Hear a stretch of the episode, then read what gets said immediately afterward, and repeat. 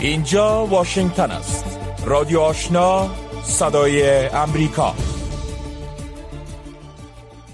شنوندگان عزیز سلام. شب همه شما بخیر. حفیظ آصفی هستم و با همکارانم برنامه خبری ساعت رادیو آشنا صدای امریکا را تقدیم می‌کنیم. در سرآغاز برنامه خبری ساعت توجه کنین به تازه ترین خبرهای افغانستان منطقه و جهان که رویا زمانی به توجه میرسانه.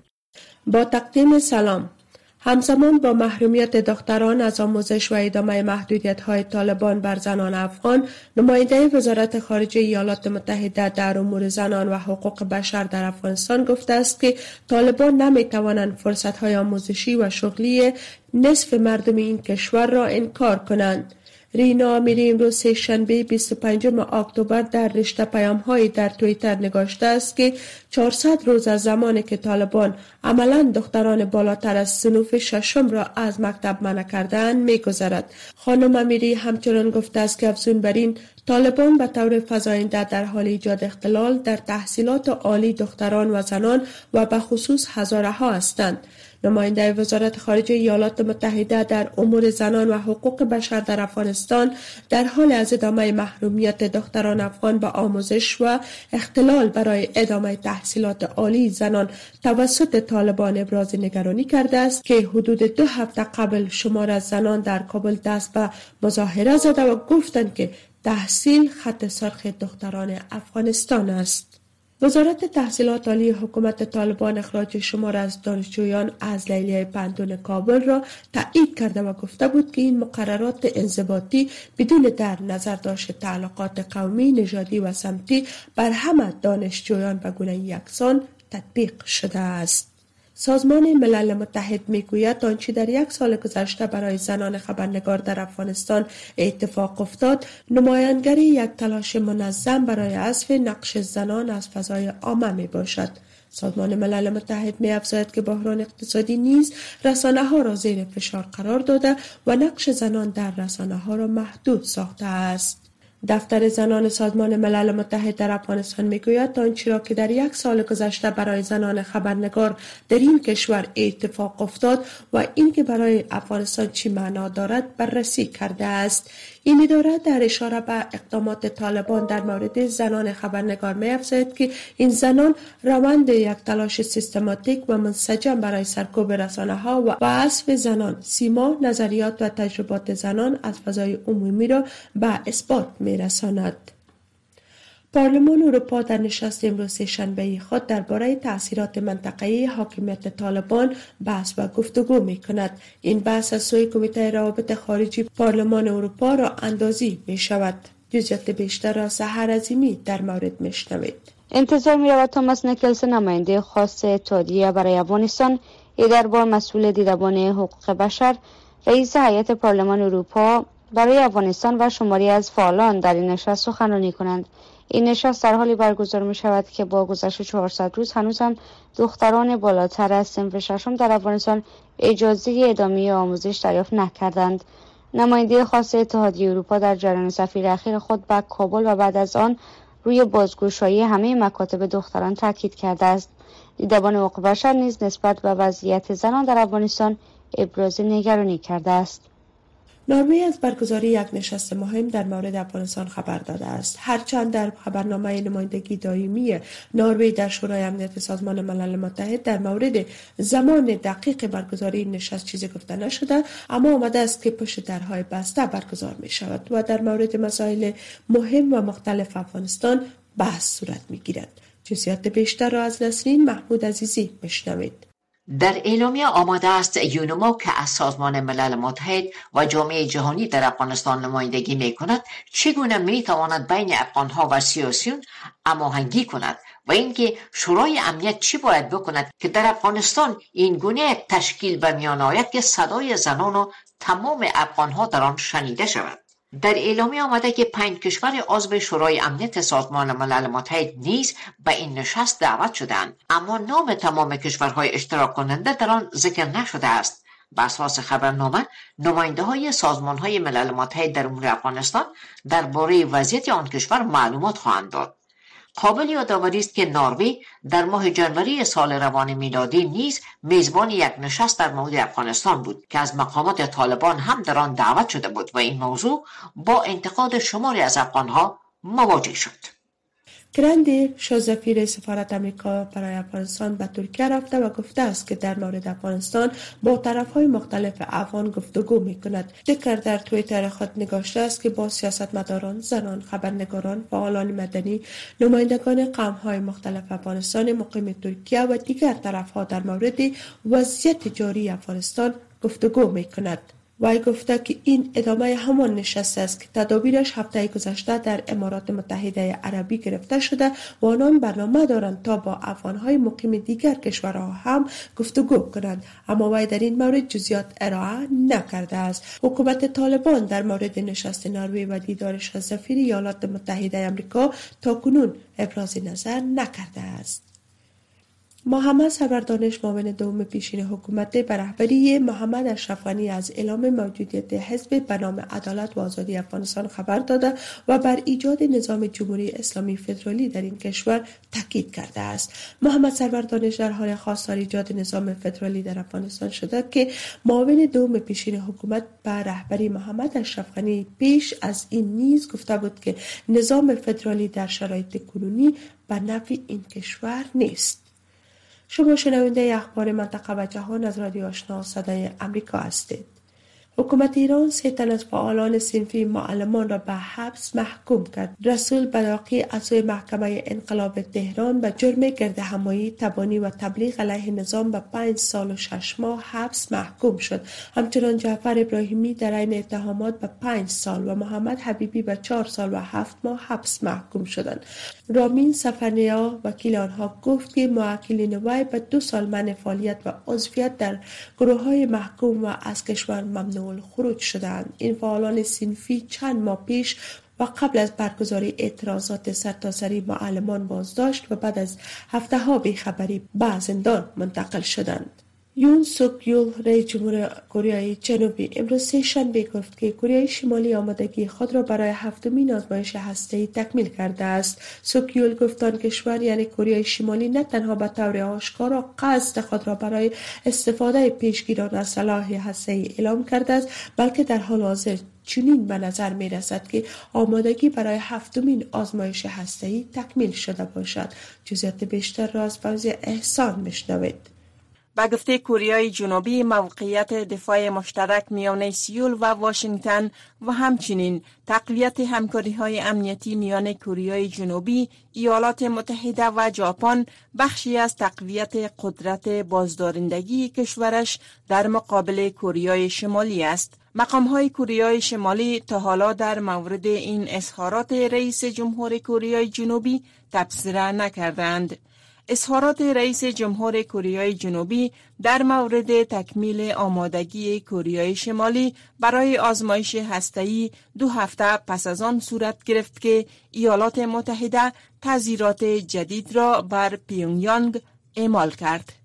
با وجود رد ادعای مسکو از سوی اوکراین و کشورهای غربی روسیه همچنان اوکراین را به آماده شدن برای استعمال های پلید متهم کرد و گفت که این موضوع را امروز شنبه در شورای امنیت سازمان ملل متحد مطرح خواهد کرد. دیپلمات ها گفتند که سفیر روسیه در سازمان ملل متحد به همتایان خود در این شورا گفته است که روز شنبه در عقب درهای بسته شورای امنیت که 15 عضو دارد موضوع آمادگی اوکراین برای استعمال های پلید در قلمرو آن کشور را مطرح می کند در همین حال نت پرایس سخنگوی وزارت خارجه ایالات متحده روز گذشته در مورد ماهیت عواقب عمیق استعمال بم پلید و هر گونه سلاح هسته‌ای هشدار داد که روسیه احتمالا آن را به کار گیرد. بم پلید در اصل یک بم متعارف و حاوی مقدار اندک از مواد رادیواکتیوی بیولوژیکی یا کیمیایی می باشد که این مواد در زمان انفجار بم در ساحه پخش می شود رئیس جمهور آلمان امروز شنبه برای اولین بار زمان حمله روسیه بر اوکراین وارد کیف شد. این سفر در حال صورت می‌گیرد که کشورهای غربی در وسیع برای بازسازی اوکراین پس از ختم جنگ در اوکراین را در نظر دارند. فرانک والتر مایر رئیس جمهور آلمان پس از رسیدن به اوکراین گفت که برای او در این مرحله از حملات هوایی با های بدون پیلوت راکت های کروز و میزایل ها مهم بود تا به سفر به اوکراین پیام همبستگی خود را به مردم این کشور برساند. در جنگ هشت ماهه روسیه بر اوکراین خانه ها ساختمان های عمومی و شبکه برق همه تخریب شدند و بانک جهانی خسارات وارده به اوکراین را تا اکنون 350 میلیارد یورو یا 345 میلیارد دلار تخمین زده است. در یک خبر دیگر اوکراین و متحدان غربی این ادعای مسکو را که گویا کیف در صدد انکشاف یک بم میکروبی است تا علیه نیروهای روسیه استفاده کند به شدت رد کردند. وزیر خارجه اوکراین گفت که او کارشناسان را به اوکراین دعوت کرده تا از تاسیسات این کشور دیدن کنند و خود ببینند که اوکراین چیزی برای پنهان کردن ندارد. بعد از اینکه مسکو با حمله به اوکراین تدارکات گاز به اروپا را کاهش داد اتحادیه اروپا که 27 عضو دارد تلاش می‌کند که بهای بلند گاز را مهار کنند قیمت گاز در اروپا در ماه آگوست به گونه بی سابقه بلند رفت وزیران انرژی کشورهای عضو اتحادیه درباره چگونگی محدود ساختن قیمتها و احتمال کاهش آن گفتگو می کنند. اردو اسرائیل روز سهشنبه اعلام کرد که نیروهای اسرائیلی به پایگاه یک گروه مسلح در کرانه غربی اشغالی دومین شهر بزرگ فلسطین حمله کردند و یک لابراتوار مواد منفجره را منهدم کردند.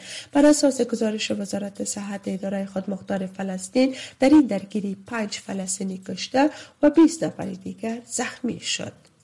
و یافته های یک نظرسنجی نشان می دهد که نزدیک به دو سوم امریکایی ها به این نظر هستند که حکومت فدرال این کشور به اندازه کافی برای مبارزه با تغییرات اقلیمی کار نکردند. همچنان بر اساس این نظرسنجی آگاهی عمومی در مورد یک قانون گسترده جدید این کشور که تعهد بزرگ ایالات متحده را در سرمایه گذاری برای مبارزه با گرم شدن کره زمین نشان می دهد بسیار اندک است. شنونده های محترم این بود نشر خبرها تا این لحظه از امواج رادیو آشنا صدای امریکا شنوندگان گرامی رادیو آشنا صدای امریکا نشرات رادیو آشنا را در موج متوسط 1296 موج کوتاه 11575 اعشاری صفر و در موج 972 کیلوهرتز شنیده می توانید. خبرهای افغانستان منطقه و جهان از رادیو آشنا صدای امریکا شنیدین. آل هم گزارش های ای برنامه. هفت عضو یک خانواده که در ولایت هرات معتاد به مواد مخدر هستند خواهان درمان خود هستند. اعضای خانواده به دلیل استعمال مواد مخدر تمامی سرمایه خود صرف خرید این مواد کرده و چیزی برشان باقی نمانده. سید عارف قتالی در این مورد گزارش میدم هفت عضو این خانواده ده نفری معتاد به مواد مخدر هستند. گویا زندگی این خانواده با اعتیاد و مواد مخدر گره خورده و یک پی دیگر به استعمال این مواد روی آوردند. نصرالله پدر و نخستین فرد در خانواده معتاد شده و به تعقیب وی خانم او دو پسر دو دختر و یک عروس او نیز به اعتیاد مبتلا شدند. نصرالله که 64 بهار زندگیش را پشت سر گذشتانده.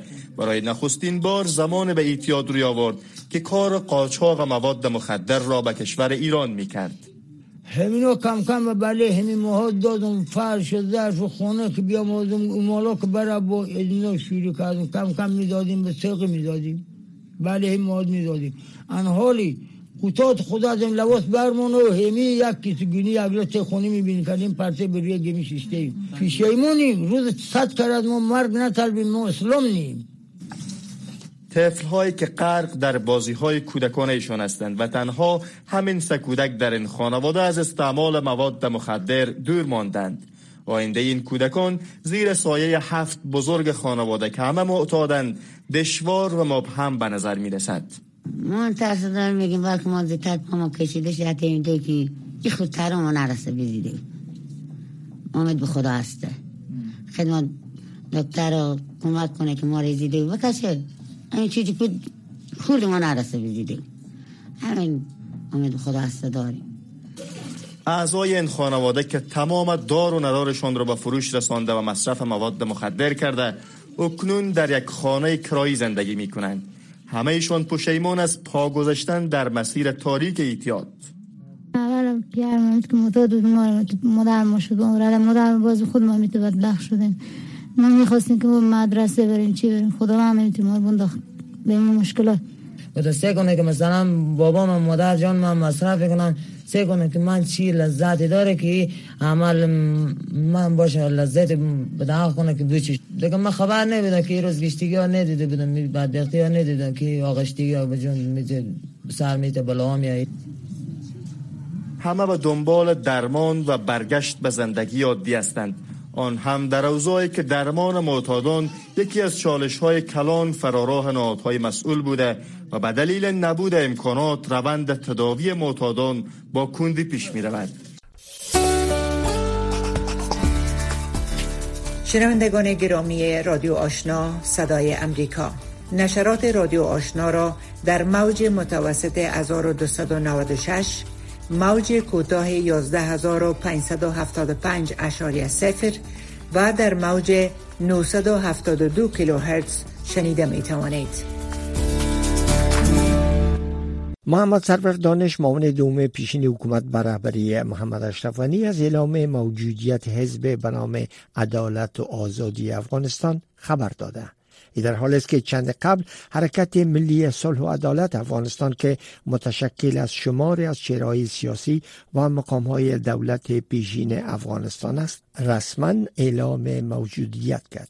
در رابطه با اینکه آیا این حذاب از اقشار مختلف مردم افغانستان نمایندگی می‌کنند و اینکه آیا این مسئله باعث نگرانی طالبان خواهد شد نسرین محمود عزیزی مصاحبه با آقای نقیب آروین خبرنگار و تحلیلگر امور سیاسی انجام داده که با هم میشنویم. اول خب ایجاد عذاب سیاسی در افغانستان تجربه بسیار بدی بوده و خصوص به اواخر که اشخاص و شخصیت هایی که در دولت دولت سابق در افغانستان بودن دست تشکیل عذاب زدن و نتیجه یعنی با واکنش مردم در قبال اشخاص بسیار تند و منفی بود یعنی جایگاه محفوظ نمانده در داخل افغانستان یا در مقابل مردم افغانستان برای از اینا که باز اینا بخواهند در آینده روی اون نقطه سیاست ورزی بکنن و, و, و کار بکنن مردم به شدت معترض هستند نسبت به شخصیت های حکومت های قبلی چون کار کرده اونا را در سال گذشته دیدن بنابراین فکر نمی کنم که موفقیتی به همراه داشته باشه یا مردم همکاری و همراهی بکنن این احزاب واکنش طالبان در برابر تشکیل یه احزاب چه خواد بود؟ احتمالا اهمیتی نمیدن به چنین احزاب چون به طالبا هم مشخص هست که به چی پیمانه و چی میزان این احزاب می‌تونه که اهمیت داخلی داشته باشه یا مردم با او همراه باشه به دلیل از اینکه شکست حکومت قبلی تنها نه که کل کارکرد حکومت قبلی به لحاظ فساد به لحاظ دلایل مختلف مورد اعتراض مردم است و همچنین مقام های اعتراض اول حکومت.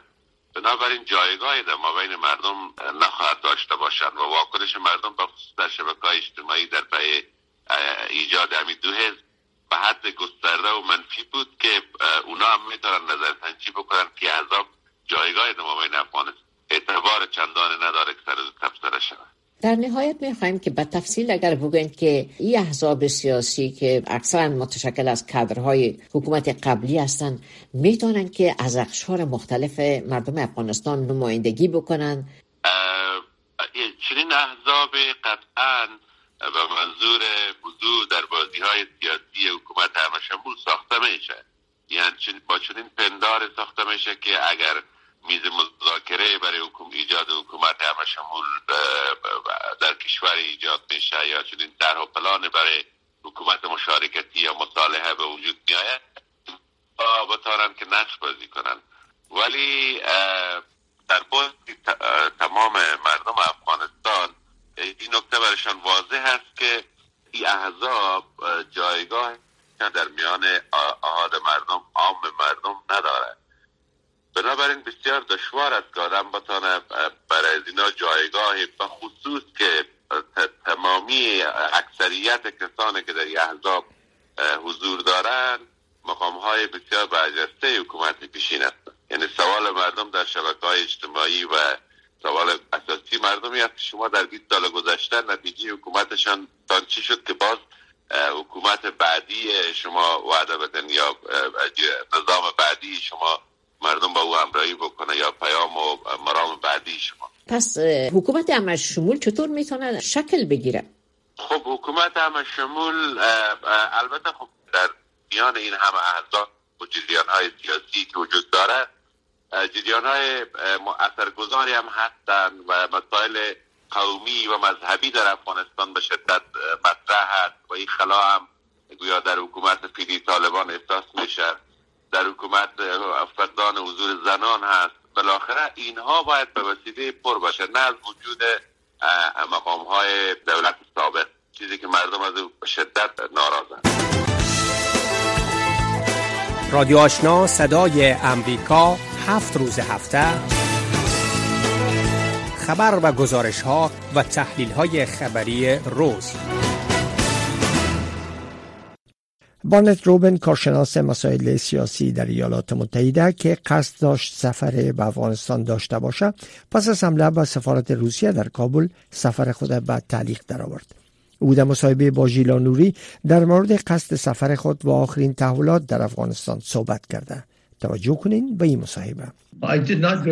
ما تصمیم داشتم افغانستان برم اما پس از حمله به سفارت روسیه در کابل از سفر منصرف شدم. به خاطر که مشکلات امنیتی وجود داشت و در کل رفتن به افغانستان مسئول نبود. به همین دلیل ما به دوحه و دوشنبه سفر کردم و معلومات دقیق از داخل افغانستان در مورد وضعیت اونجا ندارم.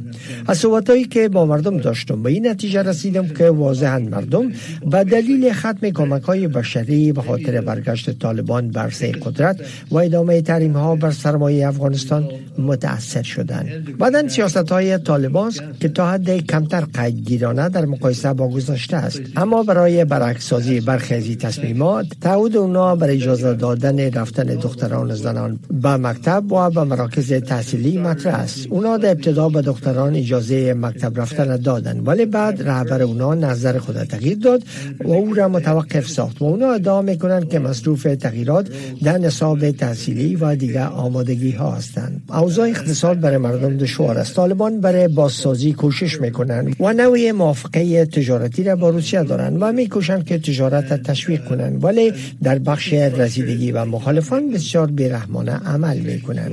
نخست از همه طالبان با اعتراضات دانش آموزان دختر زنان و سایر افراد روبرو هستند و در برخی مواقع بزرگان قوم در برخی ولایات اعتراض کردند و حتی در جوامع بسیار محافظه کار پشتون مانند کندهار کنر هم مردم از حکومت طالبان ناراحت شدند و بر طالبان بسیار دشوار است که جلو تظاهرات مردم بگیرند و به همین دلیل اونا خشن رفتار می‌کنند تا اعتراضات سرکوب کنند. و بعد البته در برخی از نقاط افغانستان نوع مقاومت مسلحانه یا دهشت افغانی وجود دارد. جبهه مقاومت شمال و فعالیت های شاخه خراسان گروه داعش که بسیار خشونت بار است. طالبان بارها جنگجویان دستگیر شده جبهه مقاومت ملی را کشتند. ما پنشیر رفتن نتونستم اما مردم میگن که در اونجا قیودات بسیار شدید برقرار است و دلیل او ادامه جنگ بر علیه طالبان است. در اکثر نقاط کشور مردم برم گفتن که حس می‌کنند سیستم وجود نداره قانون اساسی برقرار نیست و شریعت اسلامی یک سیستم قانونی کشور شمرده نمیشه اما اونا نگفتن که سیستم قضایی چگونه است. وضاحت در این مورد وجود نداره مردم تا حدی از این مسئله در عذاب ماندن بین مردم بسیار ناباوری وجود داره و در برخی قضایا حتی بدتر از اون Sure. So how do you see the Taliban leadership going forward?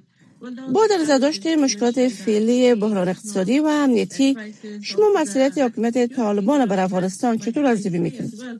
So how effective is the Taliban de facto regime in Afghanistan?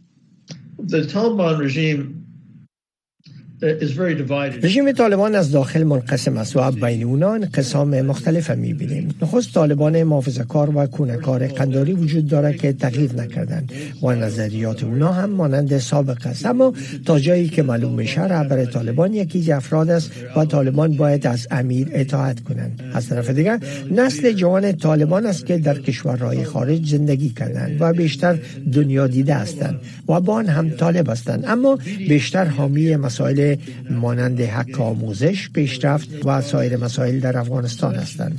در داخل گروه طالبان مثل سایر گروه های سیاسی افکار متفاوت وجود دارند. اما اونا مکانیزم ندارند که این مخالفت های داخلی را حل کنند و یک بحث باز با نظریات متفاوت داشته باشند. در عوض امیر اونا امور را اداره می‌کنه و مسئله دیگه اونا مشکل دهشت افغانی در کشور دارن البته که جامعه جهانی در این مورد بسیار نگران است و باید واضح بسازم که نه تنها ایالات متحده بلکه کشورهای همسایه نگران فعالیت گروه های دهشت افغان هستند. اما طالبان میگن که هیچ گروهی از خاک افغانستان حملات انجام نداده. که این مسئله به استثنای حملات بر پاکستان توسط تحریک طالبان صدق نمی‌کنه. به خاطر که اعضای گروه از خاک افغانستان علیه پاکستان حملات را انجام دادند.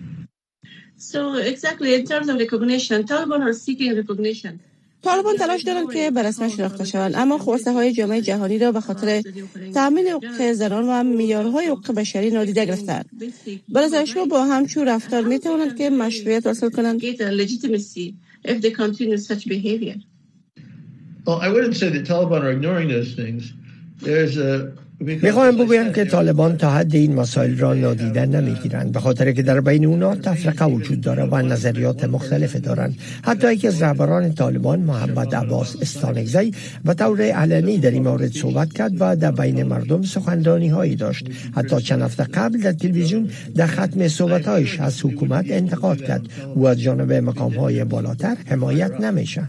در عقب صحنه سیاسی تا حد بحث های وجود داره و تا حد اگر منصفانه صحبت کنم اونا مطمئن نیستن که هرگاه به همه خواسته های جهانی پاسخ بدن بر اونا چی فایده خواهد داشت؟ چرا که ایالات متحده و سایر کشورها او را واضح نساختند. صدای امریکا در فیسبوک facebook.com slash دری. پارلمان نیوزیلند برای اولین بار از اکثریت اعضای زن برخوردار شده که سریا پیکی میسن قانونگذار حزب کارگر امروز در اونجا حلف وفاداری یاد کرد.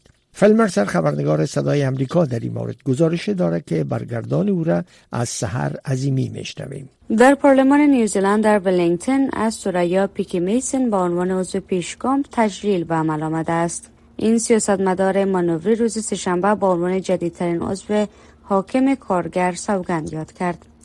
در حال حاضر تعداد زنان در پارلمان برای اولین بار بیشتر از مردان است. پیکی میسن روز سهشنبه بر رادیوی نیوزیلند گفت که از مدتی است که حضور زنان در پارلمان در حال افزایش است. او علاوه کرد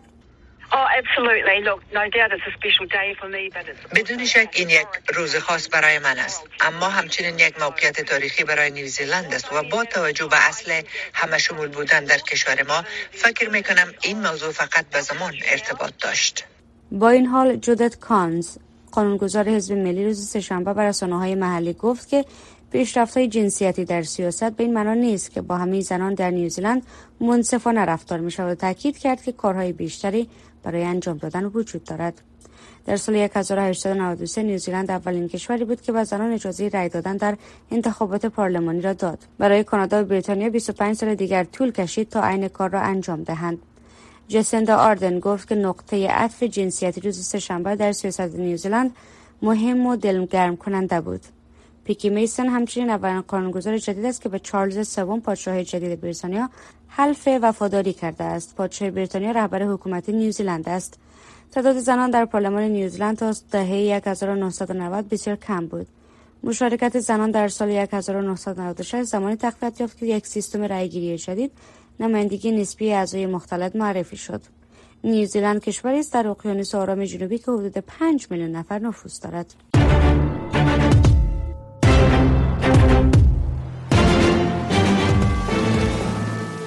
رک راست. صحبت های داغ صاحب نظران و نظریات شنوندگان در مورد خبرها و مسائل روز هر شام از ساعت 8 تا 9 شب در برنامه مشترک دری و پشتوی رادیو آشنا صدای امریکا.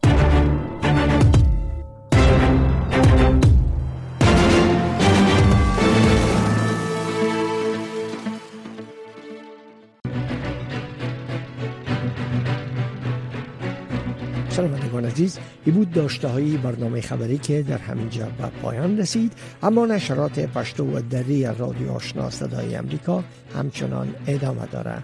شنونده رادیو آشنا باشید.